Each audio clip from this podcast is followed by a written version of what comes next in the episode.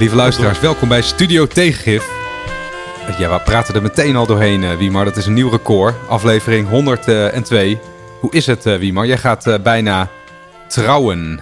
Ja, ik ga bijna trouwen. dit weekend. ja, dat is, ik heb er heel veel zin in eigenlijk. Ik denk dat dat een leuk feestje wordt en een leuk moment. Ik heb het nog nooit eerder gedaan, dus ik weet niet hoe het, hoe het is. maar ik kan, was jullie allebei wel getrouwd, dus jullie kunnen misschien wat over vertellen. Maar dat ga ik inderdaad komend weekend doen. Dus dat is hartstikke leuk. Ja, Wouter is echt getrouwd. Hè? Ik ben ook getrouwd voor de wet. Maar uh, wij, hebben, uh, wij zijn in coronatijd getrouwd. Dus het is zonder allemaal uh, ingewikkeldheden die, die nu natuurlijk er wel zijn voor jou. Zoals jurken, pakken, kaarten, ja, grote feesten. Er, moeten jurken opgehaald worden. En ik moest graag een trouwpak ophalen. En er hebt allemaal nog detailplanningen over hoe de dag wel of niet moet gaan verlopen. Wat het gaat regenen, dat soort dingen allemaal. Uh, dus uh, ja, Wouter zit te knikken. Die herkent dit allemaal. Dus, dus ja, dus zo. Die jurk, dat is zo'n maf fenomeen, joh. Dat is onvoorstelbaar. Ik heb nog steeds zo'n ding. Ik ben in 2017 getrouwd. In mijn huis hangen. En die mag niet weg. Er gebeurt niks mee.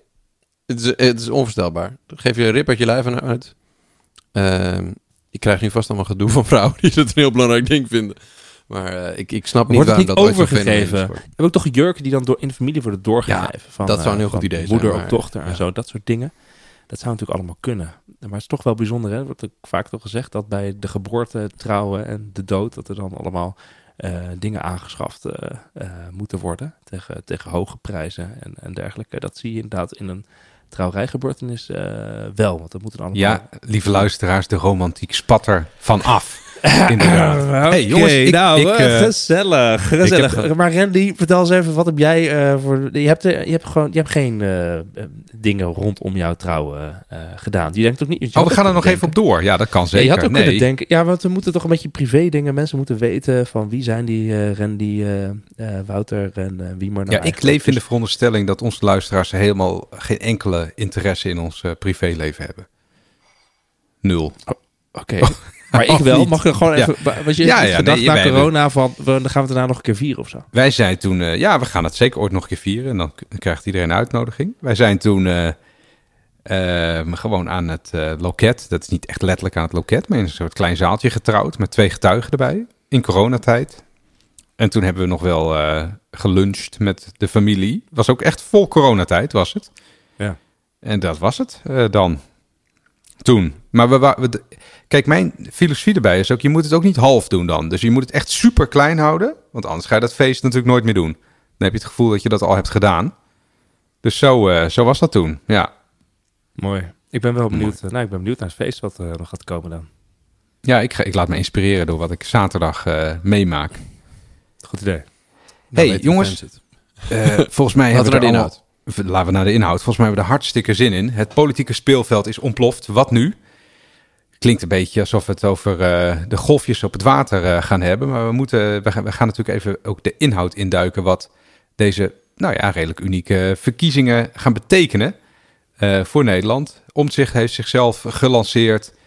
Hè, mijn eigen clubje is in een nieuwe samenstelling aan de verkiezingen mee aan het doen. BBB eh, gaat voor het eerst als een grote partij de verkiezingen in een hele unieke, uh, een hele unieke ronde, zou ik haast wel zeggen. Heel veel spannende VVD, dingen. VVD, een nieuwe leider. Misschien is dat wel een uniek ja, ding. de eeuwige Rutte is niet meer van de partij. Een, heel, ja, een hele bijzondere verkiezing. Maar nu moeten we er natuurlijk niet meteen inrollen.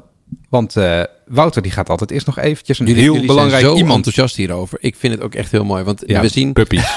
puppies. ja, ik, ik zit ook echt al weken te trappelen om deze uitzending soort, te maken. een soort politieke winterslaap gehad. Een soort, ja, maar soort, jongens, winterslaap sinds wij... op vakantie waren. Toen ik op vakantie ging, uh, we reden weg. Was er nog en niks aan de op hand? dat moment... Ja, toen viel het nee, kabinet, op die avond, toen viel het kabinet. We zaten in de auto, toen viel het kabinet. Ja. dacht, dan ga ik op vakantie. En dat vond ik eigenlijk best wel fijn, want dan kon ik in vakantie dat een beetje bijhouden en zo. Maar ja, dat was best wel lang geleden. En in de tussentijd konden we geen uh, podcast opnemen, omdat jullie zo nodig ook op vakantie moesten. ja, en, dus nou, en, leuk dat we dat nu kunnen doen. Randy was net een paar weken geïnstalleerd in de Eerste Kamer. En toen is het kabinet gevallen. Het is echt de grootste ja, zeker. omwenteling ja. sinds jaren. Um, maar ik moest eerst even melden dat deze aflevering wordt gemaakt met de fantastische ondersteuning van podcast, editing en producing meister Wim Brons van remotepodcast.nl. Een aanrader voor als je op afstand een hele goede podcast wil maken. Um, of een hele slechte met hele goede geluidskwaliteit. Ja, dat wil ik net zeggen. In ieder geval met goede geluidskwaliteit. Maar dat, dat kan dan wel, ja. En ik wilde ook even melden dat um, we toch bij vriendvandeshow.nl slash studio tegengif um, wederom een aantal vrienden erbij hebben gekregen. Terwijl we anderhalve maand geen aflevering hebben gemaakt. En daar ben ik ze wel heel dankbaar voor. Uh, want dat gebruiken wij bijvoorbeeld om live uitzendingen te maken bij de Universiteit Leiden, zoals we gedaan hebben. En wat ik heel leuk vind om even te melden is dat op 7 juli viel het kabinet, vrijdag 7 juli. Memorabel. Ik weet nog waar ik was uh, toen ik dat las. Um, maar dat sinds dat moment uh, wij alle drie al berichtjes krijgen van wanneer komt nou de duiding van Studio Tegengif. Uh, dus ik vind dat we de, de luisteraars een beetje ja, verwaarloosd hebben door dat pas op 22 augustus te doen. Maar hier zijn we dan. Hier ja, zijn we ik dan. weet dus ook waar ik was toen het kabinet viel. Dat is in de auto vakantie. Maar het andere is, wat moet een beetje een soort running gag erin houden. Want we hebben nog steeds geen rekening van Universiteit Leiden gekregen. Waarom, waarom niet? Moeten we daar nu achteraan? Of gaan ze dat sponsoring toesturen? Sponsoring. Ik weet gewoon, jij, kunt werkt dat toch, net lang wachten tot ze met rekening komen. Maar ik vind ze het, nou, als het ze hebben het van jouw salaris uh, afgetrokken, denk ik. dat heb ik nog niet. Ik moet even checken dan. ik zal het even controleren. Ik weet niet meer waar het kabinet was. Uh, maar ik heb wel... Nee, waar jij was. Ja, waar jij was. Uh, sorry, jij ik was, weet niet. niet. Dat is echt even een soort klein kortsluiting in het de verbale precortex. Ik weet niet meer waar ik was toen het kabinet viel, inderdaad. Uh, maar ik weet wel dat ik een gektetje heb voorbereid voor deze keer. Gek dus dat was het meest uh, kronkelige bruggetje uh, in 102 afleveringen. Um, nou ja, zoals altijd pikken we er even een gekte uit uit het nieuws. Die in het begin was het meer die symbool staat voor hoe de media vaak op een totaal verkeerd spoor zit en zich richt op de dingen die er niet toe doen. Maar ik heb nu een gektetje uitgekozen uh, die juist voorkomt uit een heel interessant uh, journalistiek artikel wat in het NRC stond. En dat ging over Roundup, glyfosaat. Ik zei het nog fout net, glyfo glyfosfaat zei ik, maar het is glyfosaat. Een chemisch stofje wat, je, wat heel veel mensen ook wel kennen, maar voor wie het niet kent. Dat is het stofje waarmee agrariërs hun, hun akkers vaak in de, in de lente geloof ik, helemaal doodspuiten. Dus als je dan zo'n gele akker ziet waarbij je denkt, hé, hey, die is toch opvallend geel, dan is die waarschijnlijk net doodgespoten. Uh, en dat is een heel bijzonder stofje in de zin dat het letterlijk iedere plant, uh, en volgens mij ook schimmels en uh, fungi, dood. waardoor zo'n akker dan gereset wordt en heel erg um, ja, geschikt, geschikt is om hè, weer nieuwe, weet ik veel, mais op te verbouwen of zo. En de bedrijven die dat, die dat spul maken, die verkopen ook gemodificeerde zaden. Die dan als enige wel groeien in, dat, in dat inferno wat er dan op zo'n akker plaatsvindt. Weet je, de Great Reset op zo'n akker. ja, de great... Nou ja, weet je, ik heb, als ik dat zie, dan heb ik altijd al het gevoel van... dit is toch niet hoe de lieve heer dat bedoeld heeft. En dat kan ook niet goed zijn voor de kwaliteit van de grond... dat je al het leven even, even doodspuit. Maar goed, daar is natuurlijk altijd de vraag van, uh, is dit dan wel goed voor de gezondheid? Is het niet slecht voor de gezondheid? Het goed voor de gezondheid zal het zeker niet zijn. Uh, maar nu blijkt, stond in het NRC, dat er 21 jaar lang een belangrijk onderzoek is achtergehouden dat laat zien dat uh, ratten, die als proefdier zijn gebruikt daarbij, dat ratten zenuwschade kregen van, van deze stoffen. Oké, dat, dat, is interessant, denk ik dan. Dat zal wel hele grote consequenties hebben. Dan lees je verder. Uh, en dan blijkt dus dat het, dat het ook zo werkt dat belanghebbenden, zoals deze bedrijven, zelf dit soort onderzoeken moeten aandragen bij de toezichthouder. Uh, en als ze dat dan niet doen, dat het dan blijkbaar ook 21 jaar op de plank kan blijven liggen. Heel opvallend. En goed, als je dat niet doet, dan denk je, oké, dan, dan gaat de zweep eroverheen. Maar wat blijkt dan? Daar staat dan een boete op van, niet schrikken, 5000 euro. En die boete is dan tevens ook nog nooit opgelegd. En denk, oké, ja, er zijn heel veel theorieën over uh, hoe dat dan werkt met boetes hè, en het beïnvloeden van gedrag. Uh, vaak wordt de, zwaarte van de boete dan gerelateerd aan de draagkracht en, en het potentiële gewin wat er dan tegenover staat. Maar deze bedrijven hebben een omzet van 80 miljard euro en een jaarwinst van 8 miljard euro ja, dan, dan, dan lach je natuurlijk om zo'n situatie. Dus ik vond, dat, ik vond dat totaal gekte. Beetje lang verhaal. Maar ik snap wel dat, dat dit toezicht op deze manier zo niet werkt. Maar je vindt eigenlijk gewoon even de. Wat vind je nou gek? Dat de bedrijven zelf het onderzoek moeten aandragen? Of vind je het gekte dat het 5000 euro boete is? Want. want uh... Nou ja, deze situatie. Deze situatie. Dus je hebt toezichthouders die kijken van: hey, is dit spul uh, wel goed voor de volksgezondheid? Of hè, niet slecht voor de volksgezondheid? Mhm. En dan, dan wacht je gewoon tot, tot belanghebbenden die daar miljarden per jaar mee verdienen, wat allemaal uh, mag en hartstikke goed is van ze. Dat die zelf met bewijzen komen dat hun producten schadelijk zijn. Ja, zo werkt dat natuurlijk niet in de echte wereld. Ik vind dat naïef. Ja, bijzonder. Wel bijzonder. Ik doe een beetje denken aan dat er natuurlijk ook heel lang uh, de gezondheidsschade van uh, roken ook heel lang achtergehouden is. Uh, ja. En dergelijke door de industrie. Dat is, Terwijl die zag je ook die zag je aankomen, hè? Verbrande as over je longen blazen. Dat kan ook niet goed zijn, zou je denken. Ja, het, het, doet mij een beetje denken aan dat we, dat we het onderzoeken, dat de naïviteit die er bestaat, dat we het onderzoeken van de gezondheidsschade, natuurschade, ecosysteemschade van producten overlaten aan de producenten daarvan. Ehm, eh, dat, dat we geloven dat er een soort zelfregulerend effect is. Dat die partijen een prikkel zullen hebben om het niet meer aan te bieden als ze weten dat er enige schadelijke neveneffecten zijn. En ik denk dat dat een, uh, een, een, aflopende zaak is, dat vertrouwen. Dat er steeds meer een roep gaat komen om uh, onafhankelijke, collectief gefinancierde onderzoeken, die niet door de partij zelf worden gedaan naar hun eigen uh, middelen. Ja, maar, dat, zou natuurlijk logisch zijn dat je dat doet. Dat je dat doet. Ofwel een onafhankelijke dus niet. met eigen onderzoek. Ofwel dat je de boete zo hoog zet dat je als producent wel even goed nadenkt als je het niet meldt. Zeg maar. maar in ieder geval deze toezichthoudende structuur werkt overduidelijk niet. Als je in ieder geval de dat leefomgeving of uh, dierengezondheid ja. uh, hoog in het vaandel op staan. Nee, maar... las trouwens dat, uh, dat dit middel, glyfosaat, dat, dat, dat, dat je dat niet meer kan krijgen nu als particulier. Dat, dus daar is wel nu verbod op gekregen. Het ligt niet meer in, in de tuincentra. Dat is er wel gekomen, maar dat de Europese Unie nu bezig is inderdaad met een hele, of de Europese Commissie, met een, de vraag, moet je dit in, de, in heel Europa gaan verbieden? Uh, dat blijkt op het einde van het jaar dat nog toegestaan is. Ik vind dat wel, een, ja, denk ik ja. Ja, en het voornemen is, is dus heel belangrijk, hè? Dat het voornemen is om die toestemming te verlengen. Dus het, het, het, ziet er eerder niet naar uit dat het verboden wordt. Ja, dat had ik eigenlijk even bij moeten vertellen. Hè? Dus dit is mhm. nogal belangrijk uh, onderzoek in die, uh, in die goedkeuringsprocedure. Ja, ja, precies, precies, precies. Ja.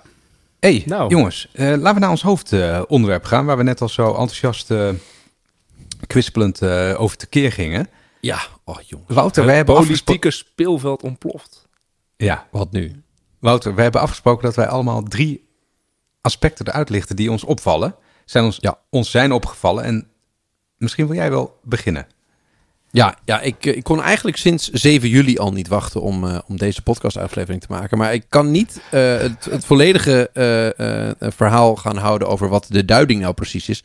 Want dat hebben al twintig andere podcasts van, van verschillende media gedaan.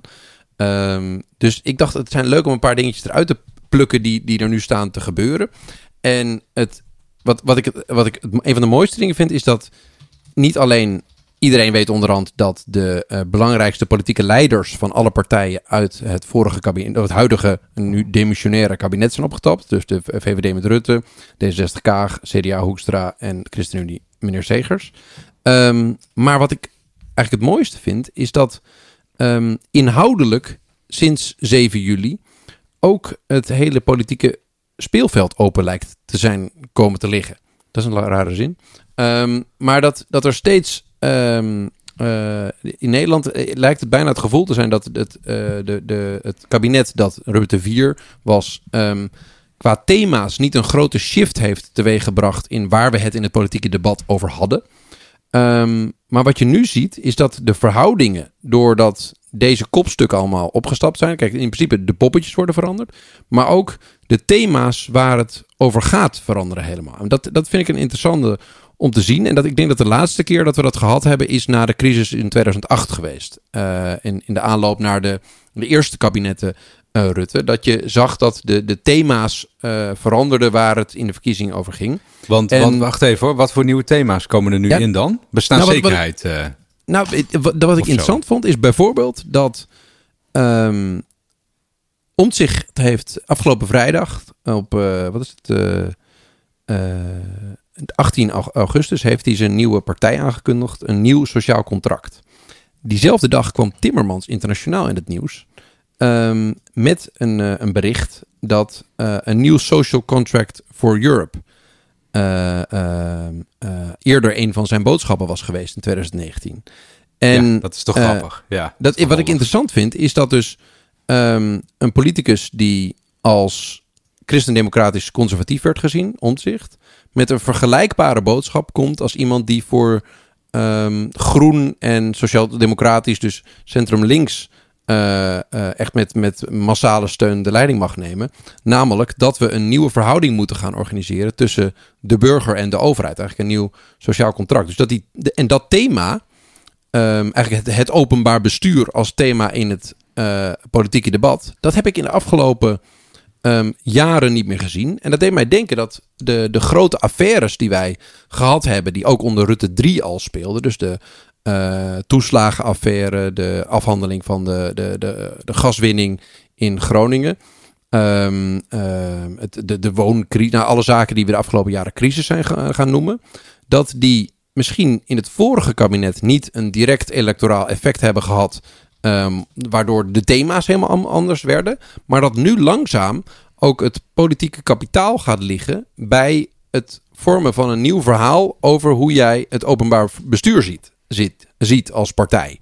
Um, dus dat partijen het gaan aandurven, of politieke kopstuk het aandurven, om um, het openbaar bestuur, de relatie overheid-burger, uh, de werking van de overheid Um, en het sociale contract die, dat wij als mensen met elkaar hebben, waar, wat, wat eigenlijk de overheid vormt, om dat als uh, onderdeel van je campagne te vormen. En dat, dat vind ik ontzettend interessant. Uh, ik, ik ben zelf ambtenaar, maar ik zie ook heel uh, veel um, ja, een soort van um, vernieuwingsdrang binnen de publieke sector ontstaan. En dat lijkt nu echt een thema te worden. Dat vind ik een heel mooi iets om te zien. Dus ja, wat ik zie is dat het hele inhoudelijke veld opengeslagen is en dat er hele nieuwe um, termen opkomen die het debat gaan domineren. Uiteindelijk wordt het godschuwelijk spannend wat het gehele debat gaat domineren. Wordt het migratie, wordt het klimaat, wordt het uh, bestaanszekerheid, wordt het wonen, wordt het uh, uh, noem maar op. Um, maar het, eigenlijk het openbaar bestuur en de, ja. de relatie die wij hebben tot de overheid. Dat zie ik nu als een thema opkomen, zowel bij de, bij de, bij de BBB, bij het Nieuw Sociaal Contract, als in het verhaal dat, uh, dat Timmermans uh, vormt. En ik ben heel benieuwd hoe de partijen die hiervoor de coalitie vormden, daarmee opgaan, omgaan. Uh, want die hebben twee coalities lang dat openbaar bestuur gevormd en geleid. Um, en ja, ik, ik vind het heel boeiend om te zien hoe, die, hoe er een nieuw inhoudelijk veld opengeslagen wordt. En we hebben opeens ja, echt een nieuwe debatten zullen gaan zien. Ja, ik heb, ook het ik heb ook het gevoel dat uh, wat je zegt van het ligt nog open waar die verkiezingen overgaan, migratie, oh, hè, wat de VVD uh, uh, graag wil of, of, of wat anders. Ja, het zou heel goed kunnen dat die tijd waarin een, een verkiezingscampagne dan steeds zo'n zo'n inhoudelijk thema heeft, dat, dat die ook een beetje voorbij is. Want voor mijn gevoel, en ik volgens mij, hoe zeg je dat? Breekt dat gevoel heel breed door nu is een soort kernprobleem van dat, eh, daar gaat deze podcast ook al eh, honderd keer over, uh, dat, dat de Nederlandse overheid als machine niet meer werkt en dat daar allerlei problemen uit voortkomen, zoals uh, een niet functionerend asielstelsel, om, om dat voorbeeld even vast te houden. en dat het niet zozeer gaat om steeds maar weer, nou ja, met de winnaars van de verkiezingen samen te zitten en nog eens even nieuw, opnieuw op te schrijven wat we allemaal willen met Nederland. want dat kan je wel doen, maar kan je het ook realiseren? Dus het gaat veel meer om het weer om weer competent worden en de boel weer op de rails krijgen en de machine weer aan de praat krijgen, uh, dan om die losse onderwerpen. Want er is heel veel consensus. Je zag toch recent dat het CPB met uh, die, hè, die, die armoederaming uh, weer kwam. Dat is echt geniaal trouwens dat ze nu een raming naar armoede doen. Hè? Wie dat bedacht heeft, die verdient uh, ja, komt Uit, komt uit uh, discussies over of de brede welvaart wel voldoende in de raming van het Centraal Planbureau zat. Hebben we eerder ook al besproken. Kinderen in armoede en aantal uh, volwassenen in armoede, in de raming meegenomen. Nou, super dus goed, toch? het vanaf de eerste keer, volgens mij was dat vorig jaar of twee jaar geleden, inderdaad naar de, de, toen de Oekraïne-oorlog begon natuurlijk, met de energieprijzen die stegen. Ja, ze zijn net begonnen. De eerste keer zat, zat de armoedecijfers zaten erin. Dat had al meteen effect op de besluitvorming. En nu ook, het is natuurlijk gewoon belangrijk, wat, de indicatoren die je, die je meet of die je laat zien, die je rapporteert, daar wordt natuurlijk uiteindelijk op gestuurd. Dus dat is heel belangrijk wat er wel of niet in de Voor mij heeft dit echt veranderd hoe ik naar het CPB kijk. Want ik keek altijd mhm. natuurlijk met, uh, hoe zeg je dat, bewondering voor hun, hun kennis en hun kunde, maar wat zij doorrekende had, had toch wel een soort steeds een effect. Dat was allemaal een beetje. Hè? Dat ging alleen maar over economie. Heel sterk. Ja, macro-economie. Hè? is hele, ja. zwaar, hele macro-economische indicatoren. Dus, uh, zoals en dat werkt sturend op de, op de. Ja, tuurlijk. Maar dat werkt ook sturend op de discussies die je voert en op de maatregelen die je neemt. Iets waar we het ook wel vaker over gehad hebben. Maar het feit dat ze nu armoede ook uh, ramen en meten. dat doet CBS. Maar dat ze het ook ramen. Dat, dat, dat heeft dus meteen een impuls op die discussie. Maar wat ik wou zeggen daarover, sorry is dat er is gewoon consensus in de Nederlandse politiek dat dat niet kan. Dat als de economie groeit, dat het belachelijk is. Uh, dat de armoede ook groeit. Mensen zouden daarvan mee moeten profiteren. En dat zou sowieso niet moeten mogen bestaan in een rijk land. Daar is eigenlijk 90% van het Nederlands politieke veld is het daarmee eens. En dan gaat het veel meer om de vraag van... oké, heeft iemand ook een geloofwaardig idee hoe we dit kunnen oplossen? Uh, een, liefst ook een idee dat niet alleen 100% draait om het smijten met geld, wat we tegenwoordig hè, als primaire oplossing hebben bij de meeste problemen. Maar een idee wat even iets, iets intelligenter is dan dat. En uh, de verschillende dingen die een overheid kan doen, ook iets beter mobiliseert dan alleen maar uh, geld uitdelen. Ja, dat komt dan voorop te staan. En volgens mij past het daar ook bij. En je ziet het ook bij de lijsttrekkerskeuze van partijen, dat je dan een beetje mensen ook nodig hebt die een beetje capabel overkomen en een beetje knowledgeable.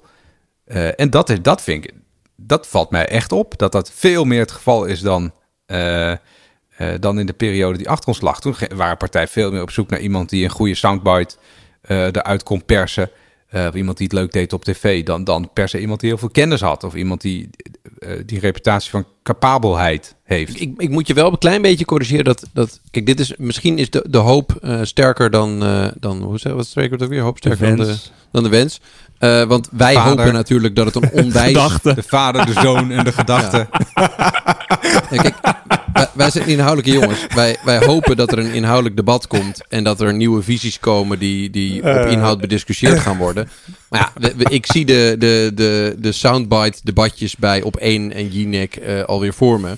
Um, dus ik ben nou, heel benieuwd. De, ja, de journalistiek moet nog even een been bijtrekken. Die hebben het nog niet helemaal door, ja. inderdaad. Maar het is natuurlijk wel belangrijk, als je natuurlijk gewoon heel erg ziet, het is natuurlijk een strijd om wat gaat het thema worden voor de, ja, precies, de komende verkiezingen. En die, die, strijd is natuurlijk, die ligt er ook nog open. Hè? Uh, dus de, gaat het inderdaad over asiel, uh, migratie, uh, nee, maar er komt geen waar thema, het kabinet opgevallen is. gaat het over klimaat en hoe je dat dan eigenlijk doet? Gaat het over de woningmarkt? natuurlijk een belangrijk thema. en wat natuurlijk... Armoede. Armoede is natuurlijk een belangrijke. En wat je natuurlijk ziet door die, onder andere door die CPB-raming, is natuurlijk dat, dat overheidsfinanciën weer een thema gaan worden. Dus dan wordt inderdaad de vraag van, oké, eh, ja, wil je gaan bezuinigen? Wil je de lasten gaan verhogen? Zoiets. Dat is natuurlijk ook nog wel, dat is ook een vraag hoe je dat als thema uh, neer kan zetten. Hè? Dus dat is ook wel heel interessant van, zeg maar, Zeker. De, de combinatie van welk thema wordt het verkiezingsthema en past jouw nieuwe politiek leider erbij, is natuurlijk ook heel interessant. Dus uh, ja, het is duidelijk als het over asielmigratie, asielmigratie gaat, is natuurlijk de, de VVD met uh, lijsttrekker is natuurlijk, staat natuurlijk goed voor. Gaat over inderdaad betrouwbare overheid. Dan gaat het de richting omzicht, gaat over klimaat. Nou, dan gaat het veel meer richting. Dat is natuurlijk heel interessant. Dan heb je zowel nu Rob Jetten van D66, heb je Frans Timmermans van de nou ja, het is heel druk op dat kruispunt. zeggen volgens ja, mij. Heb je allerlei Henry Bontebal bij het CDA. Dus je, bij al die, die, die thema's heb je natuurlijk een, een, andere leider. En ik, uh, ik, ik, ik, ben wel heel benieuwd hoe dat, hoe dat uit gaat pakken. Want het kan ook echt een slagveld worden. Hè? Dus een, echt van dat er een aantal thema's uh, heel belangrijk worden. En dat er dan volgens een tweestrijd ontstaat. En dat er gewoon partijen ook uit gaan vallen of totaal gaan decimeren. Dat kan je ook zomaar uit gaan vallen. Is, of Gewoon letterlijk uh, gaat gebeuren. Ja, gewoon niet terugkomen. Ja, ik weet je. Misschien is dat, misschien is dat uh, de, de, de vader, de zoon en de gedachte. Uh, dat ja, dat ik, uh, ik heb het gevoel dat, dat die fase waarin politiek oorlog was, dat we die een beetje gaan verlaten. Uh, want ehm, dat werd op een gegeven moment erger en erger en erger. En de Tweede Kamer werd een soort giftige slangenkuil waar ook niemand meer gezien wilde worden. Um, en dat, dat, dat heeft allerlei, hoe zeg je dat? Tot, tot verlamming van, uh, van politiek Den Haag geleid. En tot, tot een verschrikkelijk slechte performance. Dus ik denk dat dat, ik denk dat dat heel erg gaat veranderen. Ik denk dat dat negatief op je af gaat stralen. Als je, als je met, het, met het mes tussen de tanden die politieke arena binnenstapt. Ja, ik zie jou heel moeilijk nou, ja, Maar je, moet, je moet toch, ja, maar politiek gaat toch ook, is ook strijd uh, over ideeën, toch? over de richting van het land. Dus je moet wel een strijd laten zien. Anders dan, uh, ik denk dat dat gewoon gaat gebeuren. Dat is debatteren. Ook zijn we net natuurlijk het rijtje vergeten even dat als stikstof weer een thema wordt. Of inderdaad, nee, dat blijft een thema, want het is gewoon een onopgelost probleem.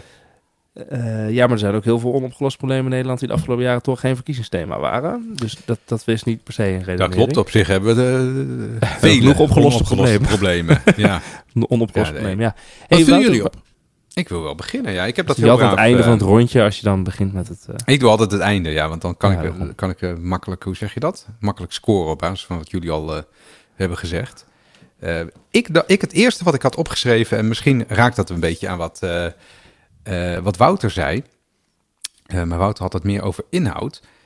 ik had, ik had, ik had als eerste punt van wat mij opviel dat er nu echt een nieuw politiek speelveld ontstaat. en dat, ja, ja, want weet je, maar daar hebben we het heel vaak over gehad. Um, ik weet niet of we dat letterlijk zo in de podcast hebben gezegd, maar we hebben heel vaak gezegd van oké, er is een soort uh, gat in het Nederlandse uh, electorale landschap van sociaal conservatief. En natuurlijk, iedereen ziet het gat ook en heel veel opportunistische partijen proberen daar ook in te springen. Alleen nu lijkt het erop dat er uh, iemand met geloofwaardigheid naar voren is gestapt die in dat gat gaat stappen. We hebben ook altijd gezegd, en dat is uh, dat met, met totale overdrijving zeiden we, een 100 zetelpartij uh, kan er dan ontstaan.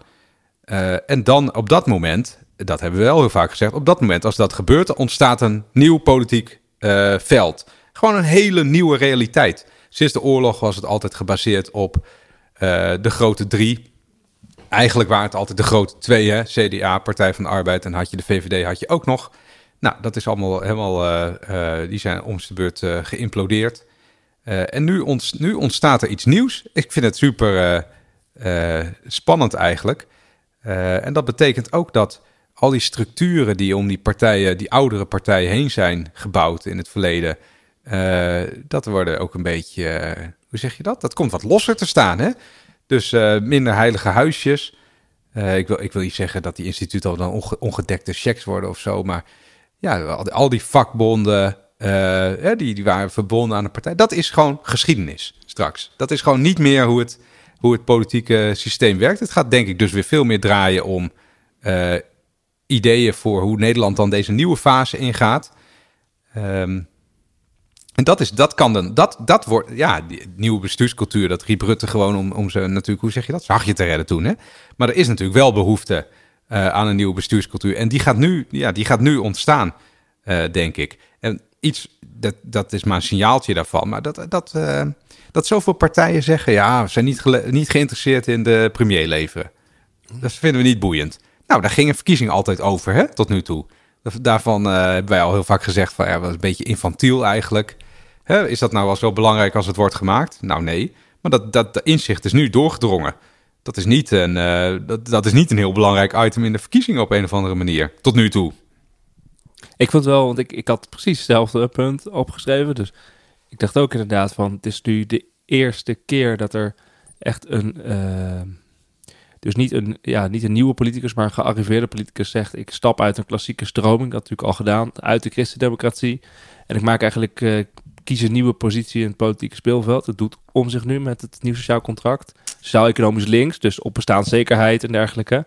Maar sociaal-cultureel inderdaad conservatief, dus ook heel erg op uh, migratie zitten hè? en uh, niet te veel Europa. Um, en natuurlijk ook nog uh, daarnaast discussies over bestuur. Dus ik denk inderdaad dat hij daar een enorme goede spot gevonden heeft. Waar hij natuurlijk wel in competitie zit met uh, de boerenburgerbeweging, om het even zo te ja. zeggen. Maar in ieder geval, om zich alleen maar gezond. Ja, om zich heeft er gewoon een nieuwe positie gepakt. Heb ik nog geen naam voor, voor zo'n stroming, hè? hoe dat dan heet. Of welke, ja, sociaal conservatief. Ja.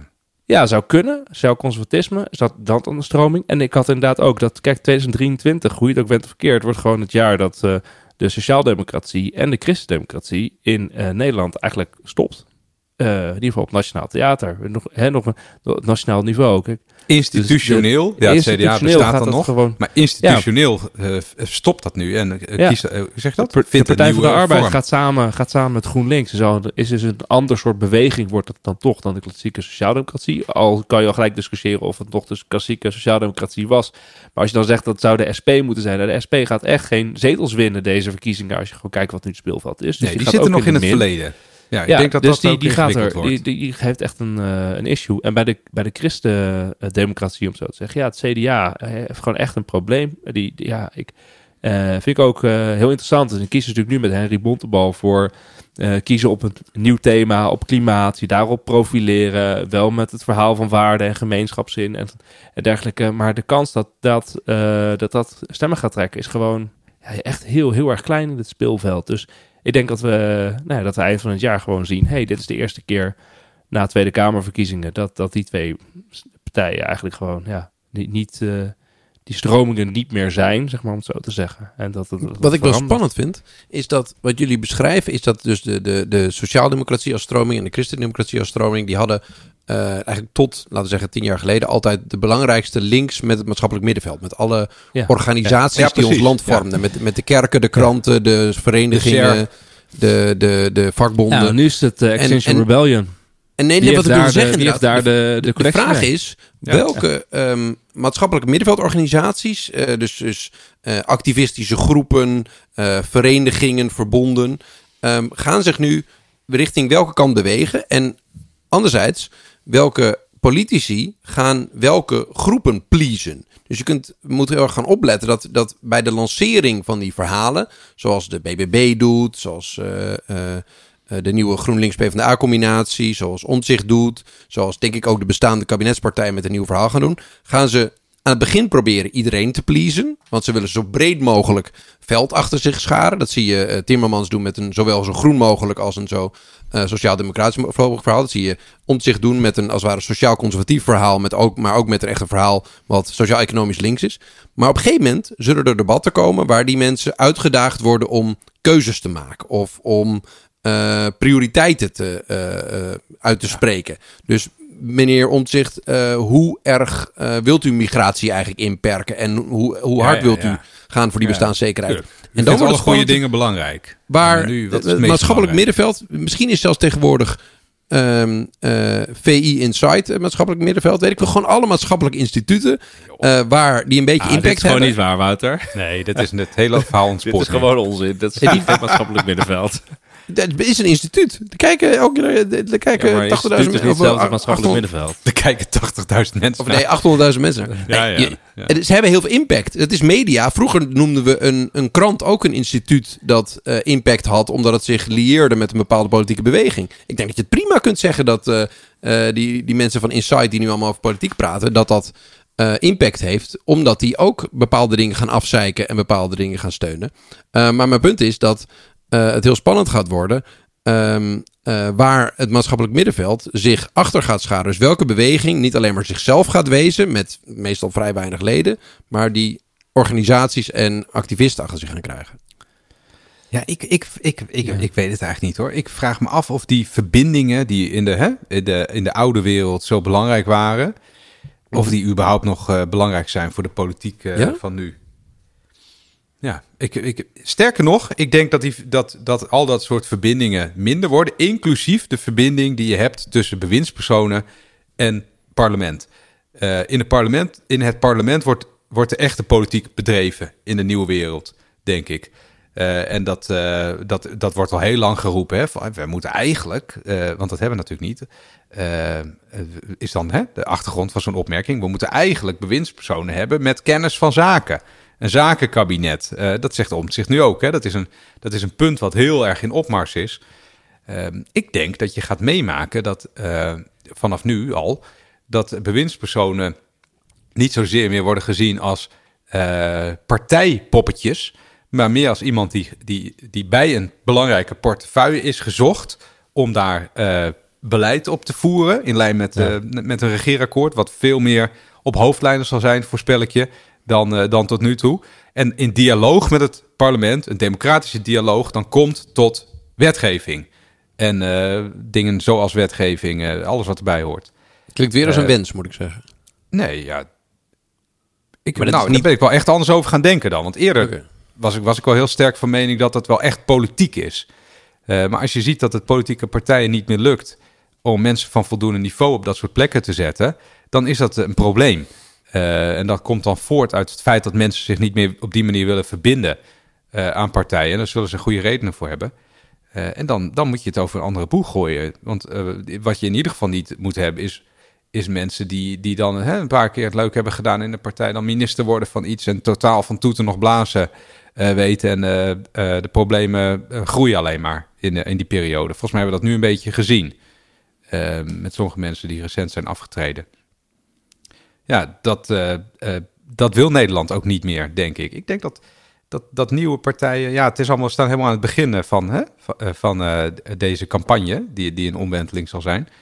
Ik denk dat partijen op die manier gaan kiezen. Ik hoop het echt. Straks, maar wat jij beschrijft als die dialoog met het parlement. Kijk, dat, de afgelopen jaren hebben we natuurlijk steeds minder dialoog met het parlement gezien. En steeds meer de controlerende functie van het parlement als de belangrijkste gezien. Het aantal Kamervragen, het aantal moties, dat is waar Kamerleden op gescoord werden. En het zijn vooral vragen of insinuerende verwijten aan die bewindspersoon niet bedoeld om een constructieve dialoog over wat we gaan doen in het land op te zetten, maar om nee, precies. Uh, de stoelpootjes net een beetje meer af te zagen. Ja, een soort jacht op bewindspersonen werd er ook gevoerd op een gegeven moment. Maar ik ben benieuwd of we dat kunnen verlaten hoor. Ik hoop het heel erg. Nou ja, weet je, eh, er was toch uh, op een gegeven moment bij Rutte, bij, ik ben bijna de tel een beetje kwijt, maar dat was Rutte 3 geloof ik daar, daar, sneuvelde echt het een na het andere bewindspersoon op. En soms ook echt een beetje terugkijkend op ditjes en datjes. Hè, Mark uh, Harbers, uh, volgens mij gewaardeerde... Uh, iemand die gewaardeerd wordt als kapaal. Die was toen staatssecretaris van asielzaken, geloof ik. Van justitie, ik ben het even kwijt. help me alsjeblieft. Maar asiel. die asiel. En die had toen een verkeerde op. Of zijn ambtenaren natuurlijk hadden in een van de brieven een soort verkeerde optelsom gemaakt van misdaden door asielzoekers dat leek in de perceptie even heel, allemaal heel ernstig. Dat was gewoon niet belangrijk. Als je nu terugkijkt. Die is daarover afgetreden. Gewoon een soort shitstorm in het parlement. Denk ik, waar, waar, je hebt er gewoon iemand die, die het op zich goed kan. En dan, dan open je zo de jacht. Uh, maar is toch ook het gevolg van al deze verschillende partijen... die allemaal met elkaar in politieke concurrentie zijn... electorale concurrentie en dan moeten scoren. En ook de, de, juist natuurlijk de claim dat... Uh, dat eigenlijk het bestuur, het politieke bestuur, niet te vertrouwen is en het overheidsapparaat het niet goed doet. als, als een soort meebeweging op een uh, toeslagaffaire in Groningen en dergelijke. Dat je dat veralgemeniseert naar het bestuur is gewoon niet goed. Ja, dat, dat leidt natuurlijk wel tot, een, ja, tot ook alleen maar wantrouwen richting het bestuur, zeg maar, uit uh, stralen. Omdat je daar politiek mee kan scoren. Dus dat ga je dan... Ja ik vraag me af of dat nou echt, of dat nu echt gaat veranderen hoor. Dat vraag ik me af. Een van de dingen uh, wat ik wel nu heel interessant vind, uh, ook om te zien, is dat je ziet dat die partijen zich steeds meer gaan associëren met een soort van beweging. Dus dan zegt inderdaad uh, GroenLinks, PvdA, Volt, misschien ook een beetje D66, Partij voor de Dieren, bijeen zegt, nou ja, wij zijn eigenlijk nu de progressieve beweging, of de links. Iedereen zegt van ja, we horen daarbij. Je ziet dat nu ook bij, we noemen het net de sociaal-conservatieve beweging. Maar dan zie je nu dus ook inderdaad van oké, dat is dan inderdaad de BBB en dat is, is dan ja 21 en er zit natuurlijk nu dan uh, denk ik een nieuw sociaal contract zit daarbij.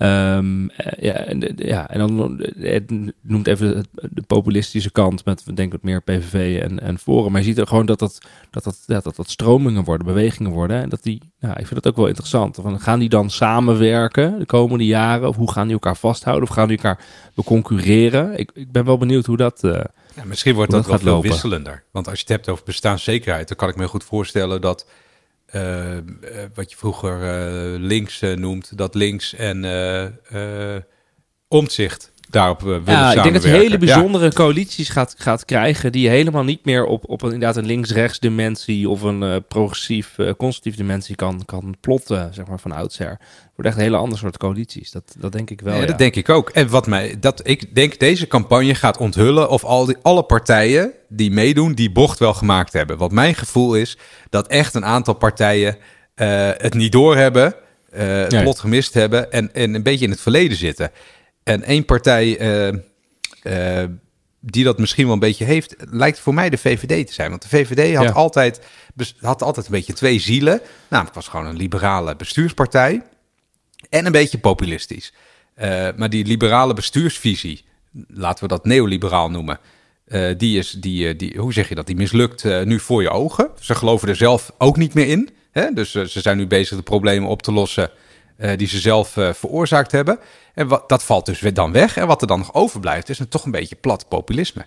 En als je dan zegt, van, als, als je dan bijna als enige serieuze partij zegt, ja, wij willen wel met de PVV samenwerken. Uh, ja, waarom dan? Ja, hè? migratie, weet ik veel.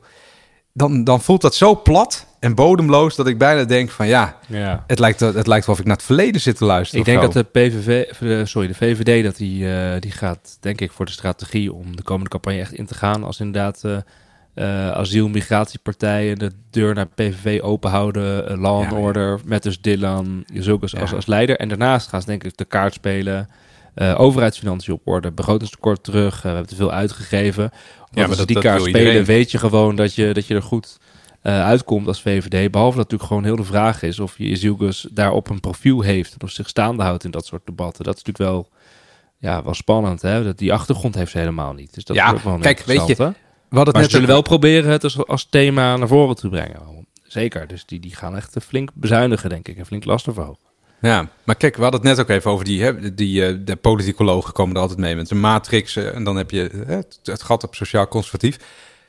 Maar het, het, het politiek is natuurlijk zoveel meer dan een plekje op die matrix zoeken. Daar gaan staan en zeggen, nou kiezers, komt u maar. Er moet ook een soort basale geloofwaardigheid zijn.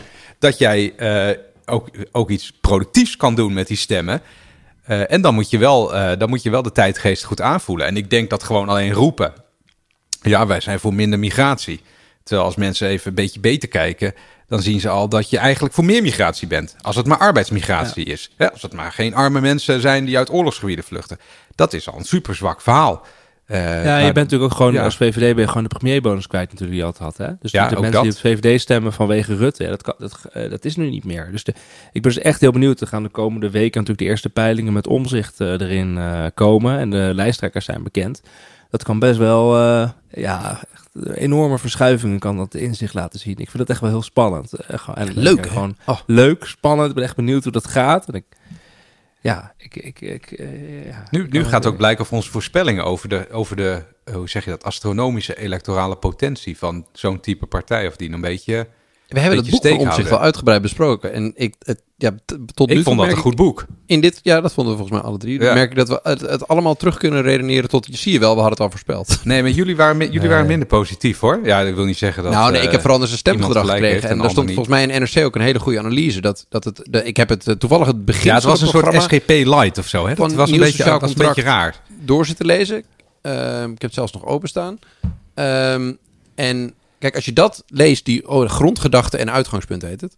Um, dan lees je een soort van uh, huwelijk tussen de traditionele sociaaldemocratie en een conservatieve beweging. Uh, met een aantal punten die uit de christendemocratie voortkomt. Ja. Um, heel veel focus op uh, goed openbaar bestuur en bestaanszekerheid, armoede bestrijden. En ook op nationale competentie. Dus Nederland aan de bal en niet.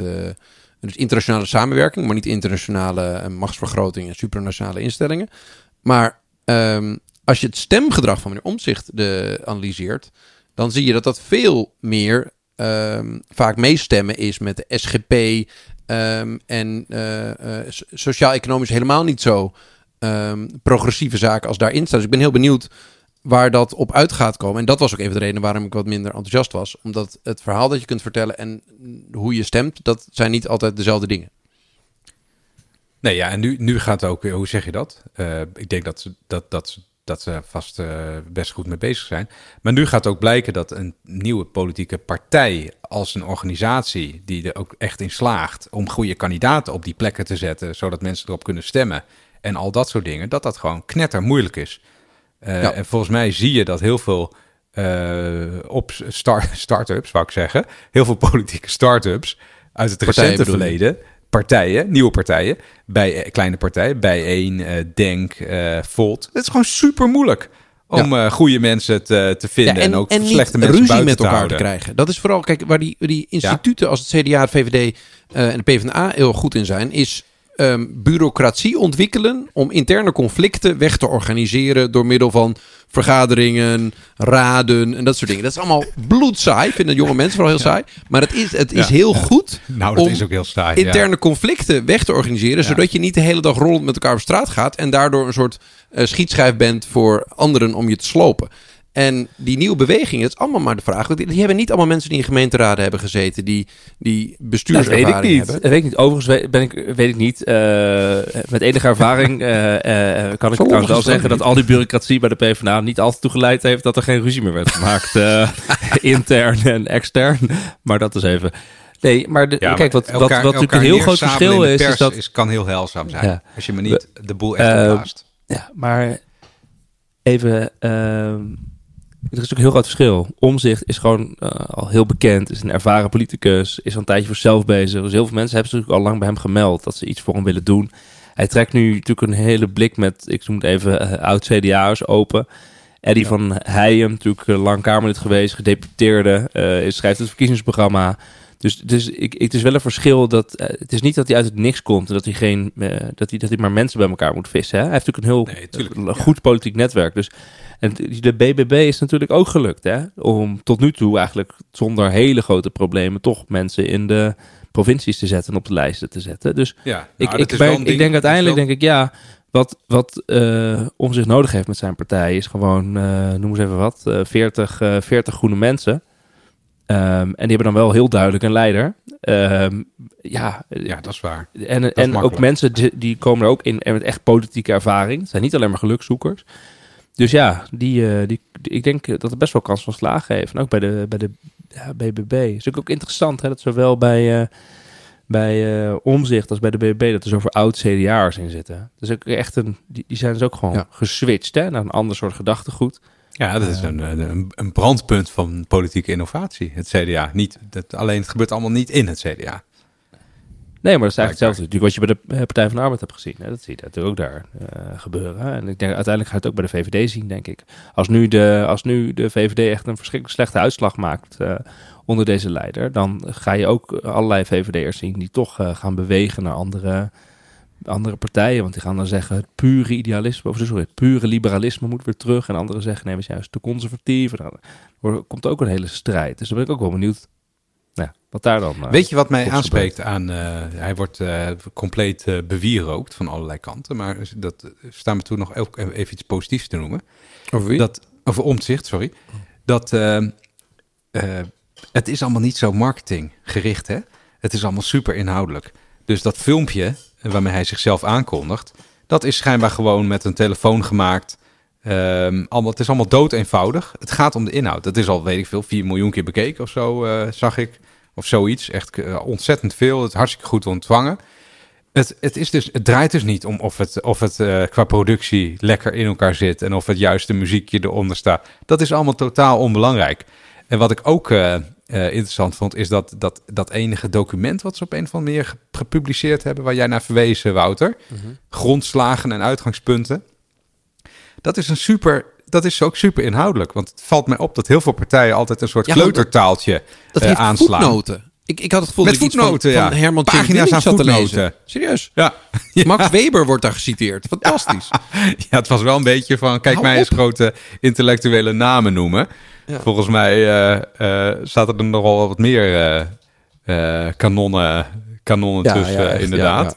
Ja, pak het er even bij. dat, is, dat is lollig. Ja, de voetnoten is bedoel, fantastisch dat, dat, uh, dat zoveel partijen dachten onder invloed van uh, marketing- en communicatieafdelingen van hey, we moeten onze eigen kiezers uh, benaderen alsof het een soort kleutertjes zijn die totaal niks snappen van het land waar ze in wonen. Dat, dat, dat gaat nu, dat, dat, dat gooien, dat werpen zij ver van zich. Ik ben heel benieuwd. Ja, ik, ik, ik, echt, ik, geloof zo, daarin. Ach, Randy, ik word zo enthousiast als de, van eigenlijk de, de, de keiharde ondergang van die ideologisch lege spindokters. Ja. Uh, als, Dat, als dat deze verkiezingen beloofd te zijn, dan, nou, dan zit ik elke dag op het puntje van mijn stoel. Ja, ja, dat zou mooi zijn, ja. Oh, die voetnoten. Ja, ik heb even die voetnoten voor me. Inderdaad, Max Weber. uh, een encycliek van Paus, Paulus, uh, Johannes Paulus 2. Blaise Pascal. Thomas van Aquino. Volgens mij schrijf je dat wel anders. Maar goed, uh, dat maakt allemaal niet uit. Luther. Beck is een bekende politicoloog. Benedictus. Ja. Uh, Wim Kok is Den L-lezing. Uh, prachtig. maar, maar wat, wat ik mooi vind, ja, is dat wat zich wel deed... Is de, de reacties hierop is een vrouw in Enschede op de markt die gevraagd wordt... wat ze van Pieter Omtzigt vond. Die aangeeft, ik ben blij dat hij voor normale mensen opkomt. Tegen de overheid, waar ik toch niks van begrijp. Ja, maar de, dat, is, dat is, ook het nieuwe verhaal. Dat is eigenlijk gewoon het nieuwe verhaal. Dus vroeger, uh, lang, lang geleden, was er sociaaldemocratie, kwam je op voor de arbeiders tegen kapitaal. En nu is het ja. op een of andere manier, wordt het verhaal nu gewoon gewone mensen tegen de overheid. Uh, dat, dat is eigenlijk nu wat hij, wat hij zegt. Hè? De, de overheid is er niet meer voor gewone mensen. Uh, bestaanszekerheid wordt belangrijk. migratie is belangrijk. Nee, maar weet je wat het bestuur, de uitvoering wordt belangrijk. Um, dat, inzicht dat was vroeger veel breder verspreid. Dat de overheid is een behoorlijk gevaarlijk apparaat. He, dus we hebben een organisatie. Die geven we ongelofelijke bevoegdheden. Uh, zoals het geweldsmonopolie. Of zoals... Uh, kijk wat, hè, wat de Belastingdienst allemaal mag om belasting te heffen. Dat is nodig. Uh, anders werkt het niet. maar dat betekent ook dat je het goed moet controleren. En er waren natuurlijk wel veel partijen die zo vaak geregeerd hadden... dat ze dachten, hé, hey, wij zijn de overheid... Uh, of uh, dat, ja, dat de, is niet voetnoten zo. miste ik nog wel Hobbes inderdaad uh, als politiek filosoof. Oh, staat er niet tussen?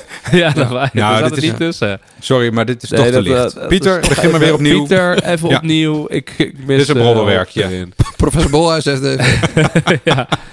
We, ja, we, we, zijn veel, we zijn zeer bereid om wat suggesties te geven op het stuk.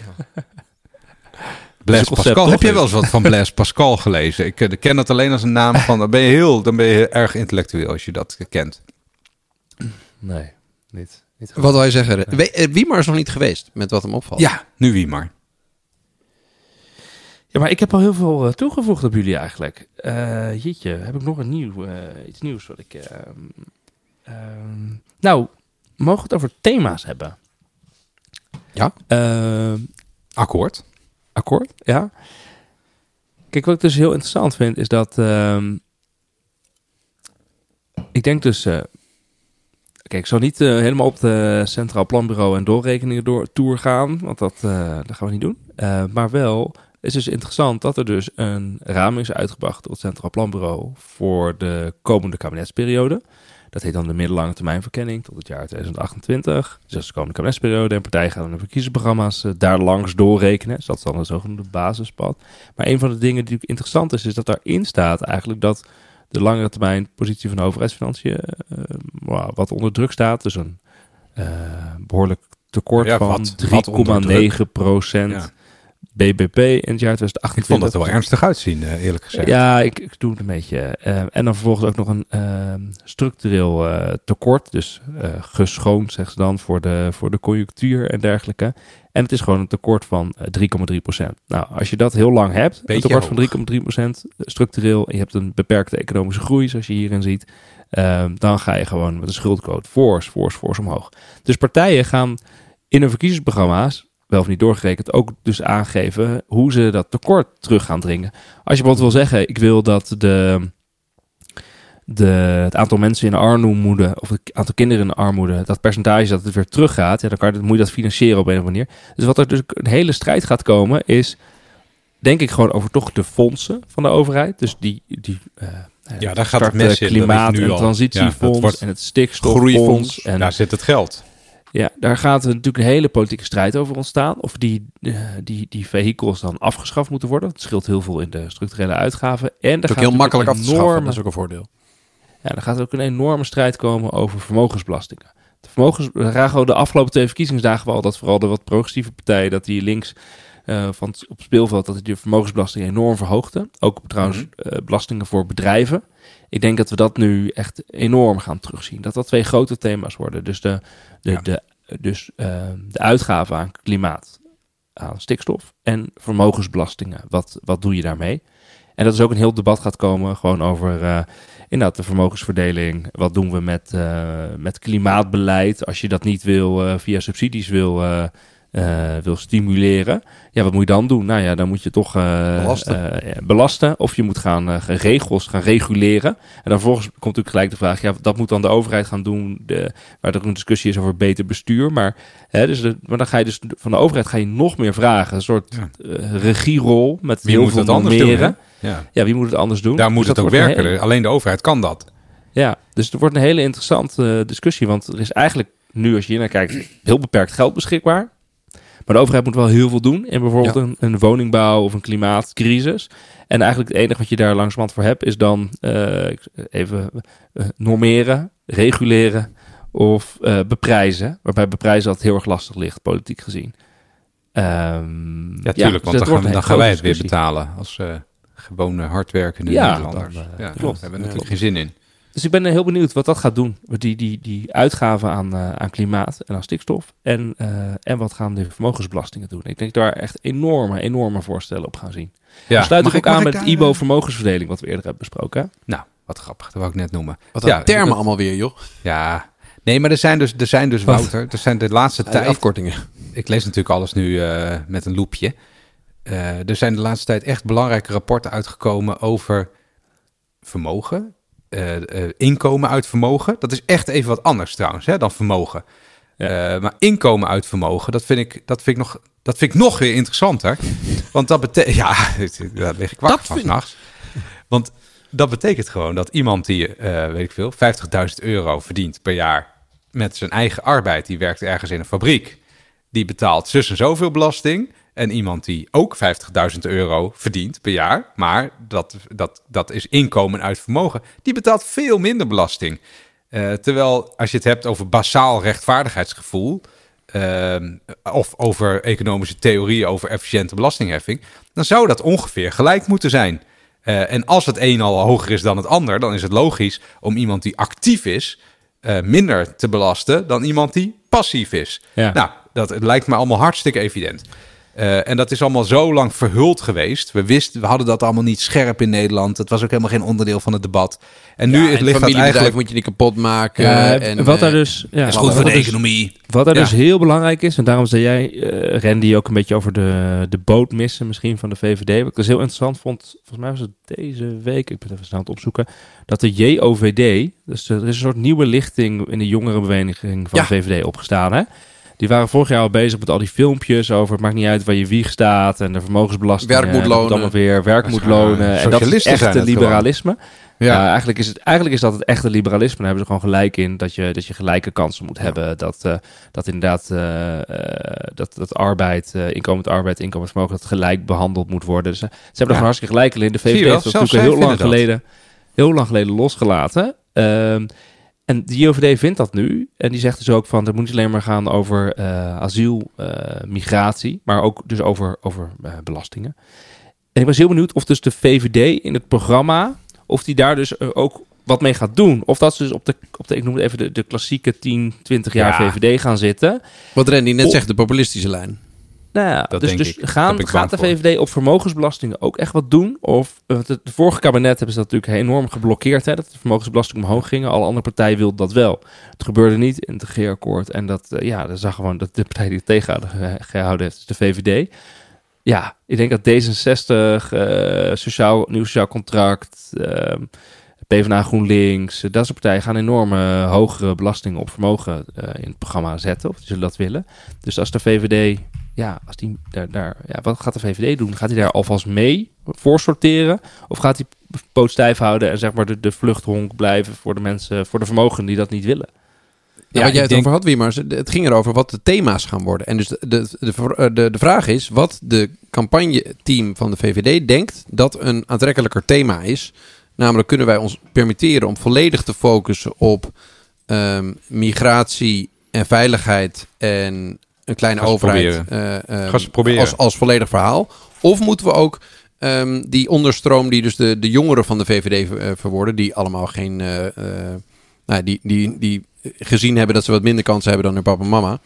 ehm, dan gaan ze dat ook meenemen. En als ze de eerste analyse maken, dan kan het hele debat wel eens heel anders gaan lopen dan wanneer iedereen bestaanszekerheid en vermogensongelijkheid en inkomen uit vermogen en oneerlijke belastingen als thema accepteert.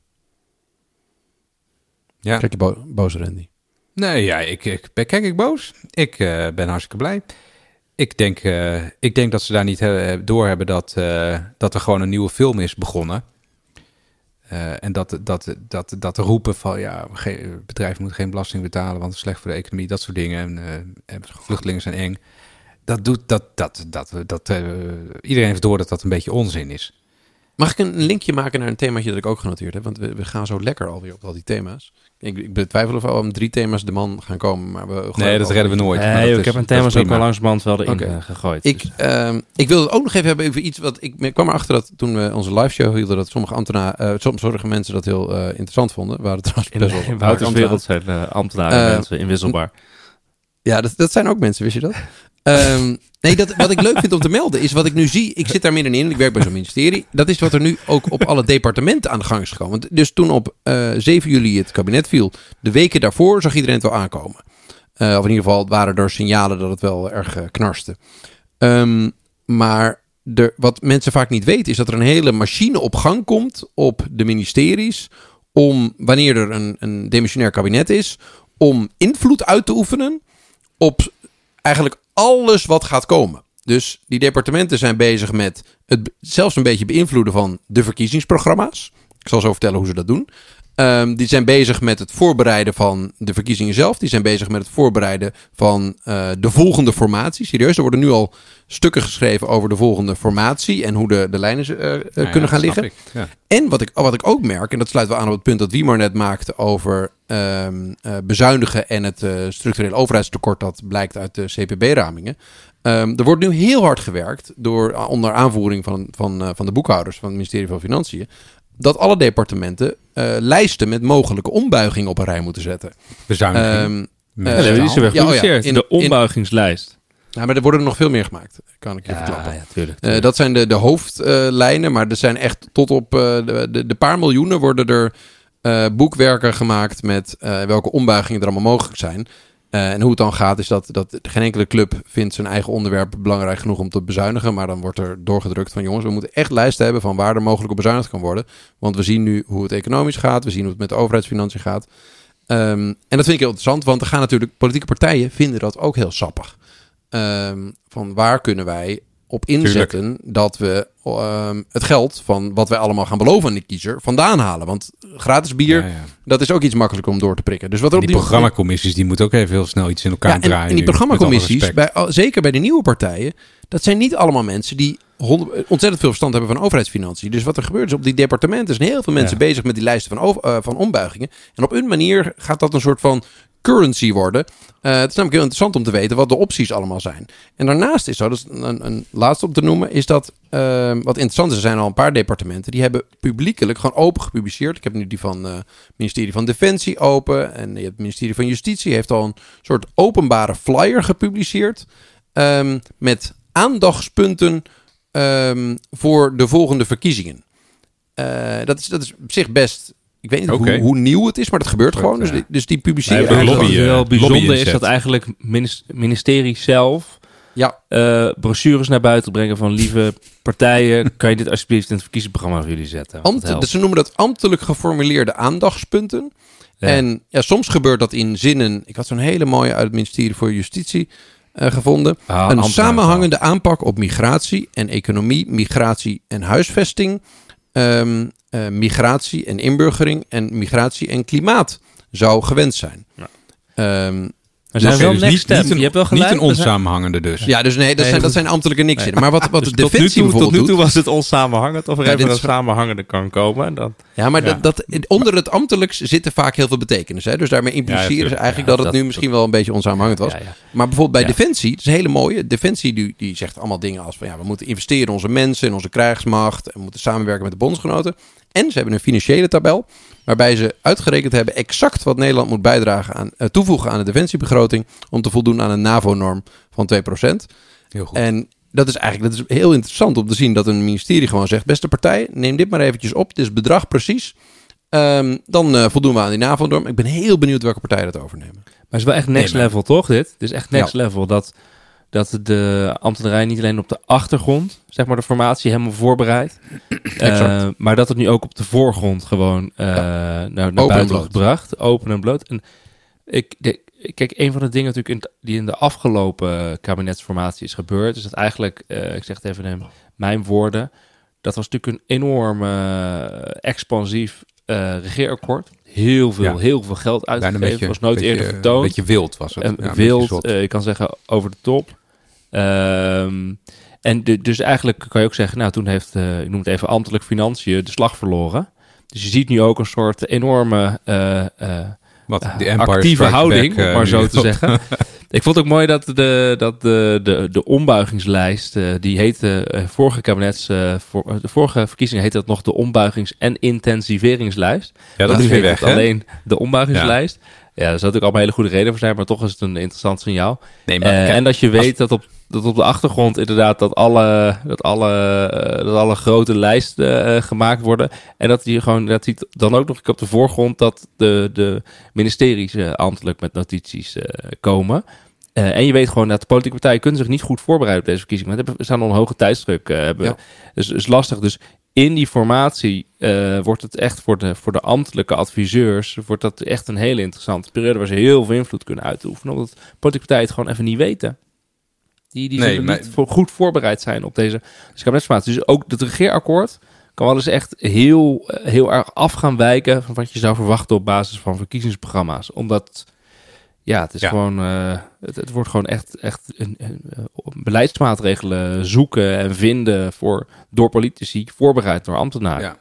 Ik denk dat, dat je nu achter de schermen eerst gaat zien dat, dat uh, politieke partijen in samenspraak met het Centraal Planbureau, hè, de partijen die daar nog uh, gebruik van willen maken, hun maatregelen concreter gaan maken en ook geld daaraan gaan plakken op een manier die ook geloofwaardig is.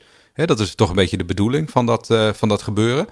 En dat je daarna gaat zien, wat jij, wat jij zegt, wie maar dat, uh, uh, dat, de, dat de ministeries uh, in een formatie nog een slag maken op, op al die plannen. Van kan dit ook echt werken? Is dit uitvoerbaar? Iedereen roept nu dat de, dat de uitvoerbaarheid voorop moet staan. Ehm, en ik voorspel je dat partijen gaan dingen opschrijven. Wat toch weer een beetje hè, nieuwe blauwdruk voor Nederland wordt. En dat, dat, dat, dat werkt niet het moet toch een beetje aansluiten op wat er is en uh, uh, realiseerbaar zijn. Uh, dus, dus ik denk, ben het helemaal met je eens. Ik denk dat er, dat er een heel groot verschil gaat zitten dit keer tussen wat er uiteindelijk op papier komt en wat, er, wat, er, wat je straks als eerste in de concepten verkiezingsprogramma's gaat lezen. Ja. Wordt ook een soort spagaat, hè? Dat um, je ziet al die partijen een soort van nieuwe maatschappijpositie, een nieuwe maatschappijvisie proberen neer te zetten.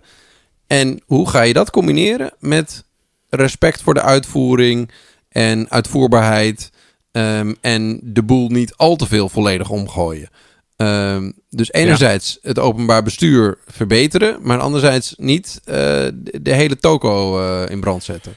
Nou ja, weet je, ik ben benieuwd hoeveel stelselhervormingen er nog, wie, hè, wie nog het lef heeft om een stelselhervorming te suggereren straks. Want ik merk, ik merk bij mezelf dat dat inmiddels een emotionele reactie bij mij oproept. uh, van, hè, van, van hardgrondige oh. aversie. Dan denk ik, nee, geen stelselhervormingen. Nu eerst gewoon de boel op de rails krijgen. Uh, netjes aan het werk, want anders ben je weer twee jaar kwijt. Of twee jaar is eh, super optimistisch. Met plannen schrijven. En dan valt het kabinet alweer. En dan, gaat, dan komt er allemaal weer geen reet van terecht. Uh, en je kan, zoveel, je kan zoveel altijd al binnen het stelsel wat er al is. Je kan het totaal, je kan het 180 graden anders doen met het stelsel wat je al hebt, met, met meer, meer verstandige aanpassingen. Gaat het lange formatie worden of niet? Als je dit zo hoort. Nou ja, waarom? Kort. Nou, kijk, als het op hoofdlijnen. Ik ben met, kijk, wat we de vorige kabinet had een heel lang uh, gedetailleerd regeerakkoord. Uh, en er lagen heel veel pijnpunten om met deze ploeg samen te gaan. Um, uh, als, het, als we gaan naar een soort van regeerakkoord op hoofdlijnen. Met wat jullie zeiden, meer vak uh, bewindspersonen, bestaat de optie dat dat um, vrij rap zal kunnen gaan. Maar ja, de, de, uiteindelijk is het allemaal afhankelijk van hoe die verkiezingscampagne gaat en welke thema's erin dominant worden. En dat is echt nu een soort tombola zoals ja, we hem de afgelopen 20 jaar alleen maar, uh, Dit gebeurt echt alleen maar als je echt nieuwe partijen dan ook hebt in de regering, denk ik. Wat als dat... Ja, maar dat gaat natuurlijk gebeuren. Ik denk, ja, want we, uiteindelijk hebben we de afgelopen ja, maar uh, wat decennia jij zou bijvoorbeeld echt veel nieuwe partijen gehad. Nee, maar zou je zeggen bijvoorbeeld dat uh, de partij van Pieter Om zich in de regering komt met uh, Verenigd Links bijvoorbeeld? Dat zou niet Het is een mogelijkheid dat ik, ik denk, uh, ik, er is geen voorspelling, maar het zou zomaar kunnen dat een nieuwe regering bestaat uit drie nieuwe partijen. Als je de BBB ook even als nieuwe partij zou durven kwalificeren, zijn ze niet meer. Maar dat is toch uniek? Dat is, dan heb je, toch, dan heb je het toch over een totale omwenteling van het, uh, van het politieke bestel in Nederland. En volgens mij was Nederland er ook aan toe. Want Rutte 4 is het kabinet dat nooit had mogen bestaan. Natuurlijk. Ik denk dat zelfs de direct betrokkenen uh, blij zijn dat het, uh, dat het voorbij is, eerlijk gezegd. Hoewel de val natuurlijk een beetje, beetje onverantwoord was. Want het, het kon ze ook niet langer. Het voelde alsof we, alsof we vast zaten in het verleden met z'n allen. en, en Nederland moet verder. Maar we noemden net al, er zijn ook veel punten waar blijkbaar iedereen het over eens is, zoals die armoedebestrijding. En er is nog een ander punt waar eigenlijk heel politiek Den Haag het over eens is. En dat maakt me eigenlijk ook heel erg trots uh, om een Nederlander te zijn. Namelijk dat Nederland tientallen F-16's gaat leveren aan de Oekraïne. Uh, in hun strijd tegen de vernietigingsoorlog die Rusland voert in hun land. Uh, en dat vond, ik, dat vond ik echt geweldig, merkte ik. Er is geen is geen betere besteding voor die voor ons oude toestellen uh, dan, ze nu, dan ze nu in te zetten, deze, deze, deze vrijheidsstrijd die de Oekraïne voert. En eigenlijk is ieder, heel, heel de, de, hele Nederlandse politiek is het daarmee eens. Hè? Uh, ja. Wat een geweldig iets is. Alleen de, alleen de wappies van, uh, van Forum, die, die, die zijn daarop tegen op een of andere bizarre manier, als ik het zo inschat. Uh, nou, dat is, dat, is, dat, is, dat is iets waar we trots op kunnen zijn, met z'n allen, denk ik. En wij doen niks, hè? Zij doen alles. Wij geven hun alleen die, die toestellen. Uh, maar toch uh, deed me een beetje denken aan uh, Vredeling, die, die toen steun gaf in de, wat nou, zes of zeven, de zesdaagse oorlog, geloof ik. Ehm, ik heb geen geschiedenis gestudeerd, dus ik weet het niet. Weet je dat niet? Wouter, die weet dat. Nee, maar Wouter dus wel. Zou ik nee, moeten weten. Ja, de geschiedenis Henk Vredeling, mijn favoriete politicus om alles weten wat er gebeurt. Dus ik weet verzetsheld. ik, ik ben geen defensiewoordvoerder van een politieke partij. ja. Ja, dan hoor je dit allemaal te weten. Ik, weet ik denk toch wel dat, uh, dat, dat, je had het over de Forum voor Democratie. Die gaat toch wel echt, ik ben echt benieuwd wat daarvan overblijft. Die verdwijnen. Ik, Thierry, als je luistert, uh, je moet een baan zoeken, denk ik. Ik ben bang dat dit, uh, dat dit einde oefening is. Ja, wat, wat mij ook opvalt, ik hoor um, de, de, de xenofoopjes al daarnaast. Ja, nou ja, dat is, toch vrij. Iedereen nou, weet zijn hele serieuze xenofoben, Wouter. Ik vind dat een beetje denigrerend. Oké. Okay. die hoor je heel weinig in de Ik hoor er niks meer van. Het, het, het mediadebat gaat ook niet meer over, op die manier. Misschien is dat ja, onder de zomer Dus misschien dus um, asiel migratie niet het topthema meer. Ja, nee, dat, dat, dat zou een indicatie kunnen zijn. Ja. ja. Prachtig, ik denk, ze, zijn allemaal heel, ze hebben allemaal nieuwe verdienmodellen bedacht met, weet ik veel, voedingssupplementen en... Uh, uh, boeken over uh, ja, coronaresistentie. Ik weet het niet. Politiek is toch uh, uiteindelijk misschien niet zo'n niet zo'n beetje lastig verdienmodel voor, voor ze. Ik denk dat, het, ik denk dat ze uit dat ze op de mestvaal van de geschiedenis zullen belanden heel binnenkort. hebben we nog meer? het even. Hebben we, hebben gewoon trouwens we hebben het helemaal niet over gehad hoeveel nieuwe lijsttrekkers er eigenlijk zijn. En hoeveel de oude er eigenlijk doorgaan. Heb ik aan, heb ik aan het begin even terloops genoemd. Oh, maar terloops. Hebben we echt een goede turf gedaan? Wat nee, dat, maar uh, is er nou echt een leegloop of is dat een visueel uh, nou ja, een van de fenomeen? Dingen, dat ja, het maar zo uh, lijkt. Jawel, nee, dit is volgens mij echt een, in ieder geval qua lijsttrekkers is ja, niet ja, dat wel. Grote, grote, qua, qua, qua Kamerleden stond er evenveel Kamerleden, ja, ik, nou ja, het is in ieder geval misschien wat meer dat alle Kamerleden dus nu uh, online vertellen dat ze vertrekken. Dat is Met online, een lange brief. Ja. Een lange brief. En er zijn ook mensen, dat is natuurlijk wel heel erg, die dan tien jaar blijkbaar in de Kamer hebben gezeten. Dus dat, niet, dat je dat gewoon niet wist. Dat, dat uh, merk je ook. Tenminste, ja, ik heb dat, gebeurde twintig jaar geleden ook al, maar daar hoorde je gewoon niks over. Wie, maar, dat zijn soms de beste Kamerleden. Ja, dat, maar nee, toch. Nee, dat klopt, dat klopt. Dus het is niet een... een het is niet, ja, het viel me gewoon op. Um, maar een van de dingen natuurlijk wel de nieuwe regering snel moet doen, is dat je gewoon ziet dat in de Kamer werken, um, of Kamerlid zijn, heeft, gewoon echt, heeft gewoon echt zulke negatieve effecten, zie je op, uh, op Kamerleden. Je ziet gewoon dat de werkdruk veel te hoog is. Uh, je ziet dat, uh, dat de ondersteuning veel te beperkt is. Dus wat de nieuwe regering ja, sowieso gewoon moet sfeer. doen. Ja, uh, wat de nieuwe regering sowieso gewoon moet doen, is echt met wetgeving komen om het aantal Kamerleden uit te breiden. En om de ondersteuning flink uit te breiden van Kamerleden. Ik hoop echt dat dat op de agenda komt van het nieuwe kabinet. in, een, in een soort, ja, hoe moet je het dan noemen? Een soort institutionele hervorming, iets dergelijks. Uh, want je ziet gewoon dat daar echt een issue is. En zeker als je gaat zeggen van... Oké, er komt een soort zakenkabinet, maar die moet dan wel door een soort brede coalitie goed gecontroleerd gaan worden, goed aangestuurd worden, die wil meer initiatieven ook. Ja, dan, dan moet je, en je hebt steeds meer versplinterd politiek landschap, dan moeten er echt meer Kamerleden bij en dan moet ook echt de, de, de ondersteuning moet flink uitgebreid worden. Want dat is gewoon uh, nodig. Ja, en ook in het kader van controle op bestuur of beter bestuur, want dan gaat er echt van alles fout. Ja. Ik denk dat er dan nog een architect van het Kamergebouw uh, ontslag neemt. Want dat hebben ze natuurlijk net allemaal getekend op basis van het huidige aantal uh, Kamerleden. En dan, ja, ik denk niet dat de hoofdreden om je parlementaire stelsel niet te laten aansluiten nee, bij nee. gefunctioneerd moet zijn of een ja, architect gelukkig is of niet. Ik, ik, daar heb ik natuurlijk lak aan, dat snap je. Alleen ja. de, dat staat symbool voordat je eigenlijk niet goed vooruit kan denken. Want die, die discussie van, hey, Nederland heeft eigenlijk ontzettend weinig Kamerleden in relatie tot de omvang van de bevolking. Uh, laten we daar wat aan doen. Die discussie is gewoon genegeerd. Uh, we hebben ze eerst een nieuw Kamergebouw besteld. Uh, en nu, terwijl de verbouwing bezig is, wordt, die, wordt die bestelling nog nog gedaan. huis nog wel een paar stoelen bijzetten. Ik, ik denk, we constateerden toch dat die verkiezingsprogrammacommissies heel weinig tijd hebben en, en weinig stukken hebben. Ik sta ze dan adviseren om onze aflevering 91 eventjes terug te luisteren, waar wij het een rapport van de Staatscommissie Parlementair Stelsel Lage Drempels Hoge Dijken bespreken. Um, want daarin leggen we heel goed uit hoe je het parlementaire stelsel beter kunt maken. Klinkt Toch? als een dijk van een aanbeveling. Ja, ik, uh, ik denk dat het een hele goede aflevering was. Ik kan me vrij weinig van herinneren, maar ik denk dat het heel goed was. Ja, was ook subliem, joh. Oh, jongens. Ja. Het gekke is dat ik mij daar nu letterlijk niks van kan herinneren, die hele aflevering. ben, ik dan, ben ik dan klaar voor het premierschap? Ah, je zou toch hopen, je zou toch hopen, uh, ja, uh, geen actieve herinnering, maar toch even de, je zou toch Ook hopen, geen passieve, geen flauw ook idee. geen passieve. Was ik daarbij? ik heb geen flauw idee. je kan ook niet eens meer een leugentje over vertellen, het lukt allemaal niet meer.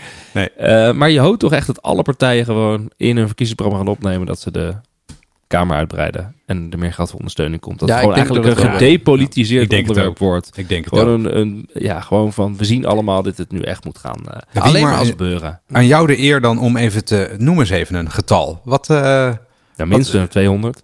Dus 150 Kamerleden naar 200 Kamerleden. Dat is minimale volgens mij wat je moet doen. Um, en ik vind eigenlijk dat mm, misschien moet je eigenlijk gewoon de, de, de budgetten voor de, voor de Tweede Kamerfractie gewoon verdubbelen. Wat vind jij eigenlijk, Randy, als, als eerste kamer? Heb jij een medewerker, Randy? Nee. Nee, ik zat ook een beetje. Te, ik zat vandaag ook een beetje te mopperen, inderdaad. Want ik was. Uh, uh, hoe zeg je dat? Nou, ik ben niet zozeer lui aangelegd. Niet, niet luier dan andere mensen. Maar ik zat mijn mailbox uh, inderdaad te doen. En dan heb je allemaal afspraken waar je heen gaat. En dan moet je je aanmelden. en dat, er komt allerlei administratie achterweg. En dan moet je je paspoortnummer doorgeven. Dus dan zit ik daar, daar, ben ik dan ochtend mee bezig met allemaal van dat soort dingen. Ja, allemaal dat soort geëmmer. denk ik, god, dat zou toch wel fijn zijn om uh, dat je ook mee, dat je ook uh, ondersteuning hebt. nou, dat hebben Eerste Kamerleden uh, gewoon niet. Maar ja, Eerste Kamerleden hebben dat niet of heel, heel beperkt. Maar ook in de Tweede Kamer is dat dus heel beperkt. Dat is echt, dus ja, ja, ja. ook een, een kleine fractie heeft gewoon maar een paar medewerkers. Hè. Volgens mij uh, als je omzicht zijn ondersteuning nu uh, uittekent, is het 1, anderhalf FTE. Ander, dat heeft hij wel eens genoed in de Kamer. Anderhalve ja. FTE, ja, dat is ja, belachelijk. Ja, het is echt belachelijk. We kijken wat, uh, wat de Kamerlid allemaal moet doen. Ja, het is echt, het is echt niet goed voor de, voor de kwaliteit van de ja, democratie. Zullen we ze afronden, jongens? Anders, anders, ga ik de bom droppen dat ik zeg dat ik wel kansen voor AI zie. Ah, ja, oké, dan moeten we snel... Ja, dat moeten we absoluut niet doen. Dat lijkt me een heel Dan moeten we idee. snel stoppen. Maar oké, okay, uh, aantal Kamerleden van 150 naar 200. Ik denk dat een ander partijprogramma's kan. En uh, okay, de ondersteuning van de, van de Kamerleden, gewoon het budget daarvoor verdubbelen. Met wel een soort eis dat het niet alleen maar naar, uh, naar marketing en communicatie gaat. Maar gewoon naar inhoudelijke ondersteuning. Zou ook wel goed en welkom zijn. hey, jongens, um, we zijn weer rond. We, we, zijn, we hebben onszelf weer totaal over- of onderschatten in ons vermogen om meer dan uh, het beperkt aantal punten te bespreken in de beschikbare tijd die we nu gehad hebben. Ik wil onze luisteraars heel erg bedanken voor hun steun en het feit dat ze ons niet vergeten zijn na de lange zomerstop. Wim Brons van Remote Podcast, ook heel erg bedankt voor de uitmuntende geluidskwaliteit. Ik krijg nog steeds heel veel complimenten altijd over van luisteraars. Wouter, ik doe het gewoon even voor jou nu. Hè? Ik uh, wijs uh, iedereen nog een keer op uh, vriend van de show. Dat ja. wij zijn heel dankbaar voor alle donaties die jullie doen. En zodra wij de grens van kostendekkendheid hebben bereikt, dan geven we wel een gil en dan kunnen jullie ophouden met doneren. Dat is nog niet zo. Maar wij doen dat. Wanneer doen dat komt er een volgende opname? En we gaan zo de agenda's uh, trekken. We, we hebben, hebben, we dat al gedaan? Ja, joh, 7 september gaan we weer op. Maar dat, dat, was leuk. We, hadden als, we hebben vooraf, bedenken we dan de thema's, gaan we vooruit nadenken. Uh, en toen hadden we bedacht dat we het gingen hebben over Rutte 4, halverwege de evaluatie en wat gaat er nog gebeuren. Dus we hebben een opening voor een nieuw thema, denk ik. Ja, ik wil het over ja. belasting hebben. Ja, ik uh, kom met een Zo over twee, drie weken komt er een volgende aflevering. Oh, weer lekker een belastingaflevering. Oh, ik wil Heerlijk, een keer weer ja, de cijfers Hoe saaier, hoe beter. Ja, ja gaan het, kijk, gewoon even de, de luisteraar pijnigen. Oh ja, er mogen suggesties trouwens voor een uh, onderwerp mogen altijd gegeven worden, hè? Nou, Wouter, toch? Was het idee. Ja, nee, ik, maar Randy krijgt gewoon een medewerker. Die gaat allemaal. Lijkt me een uitstekend idee. Jongens, bedankt. Luisteraars, bedankt voor het luisteren. Tot de volgende keer. Tot de volgende keer. Ciao.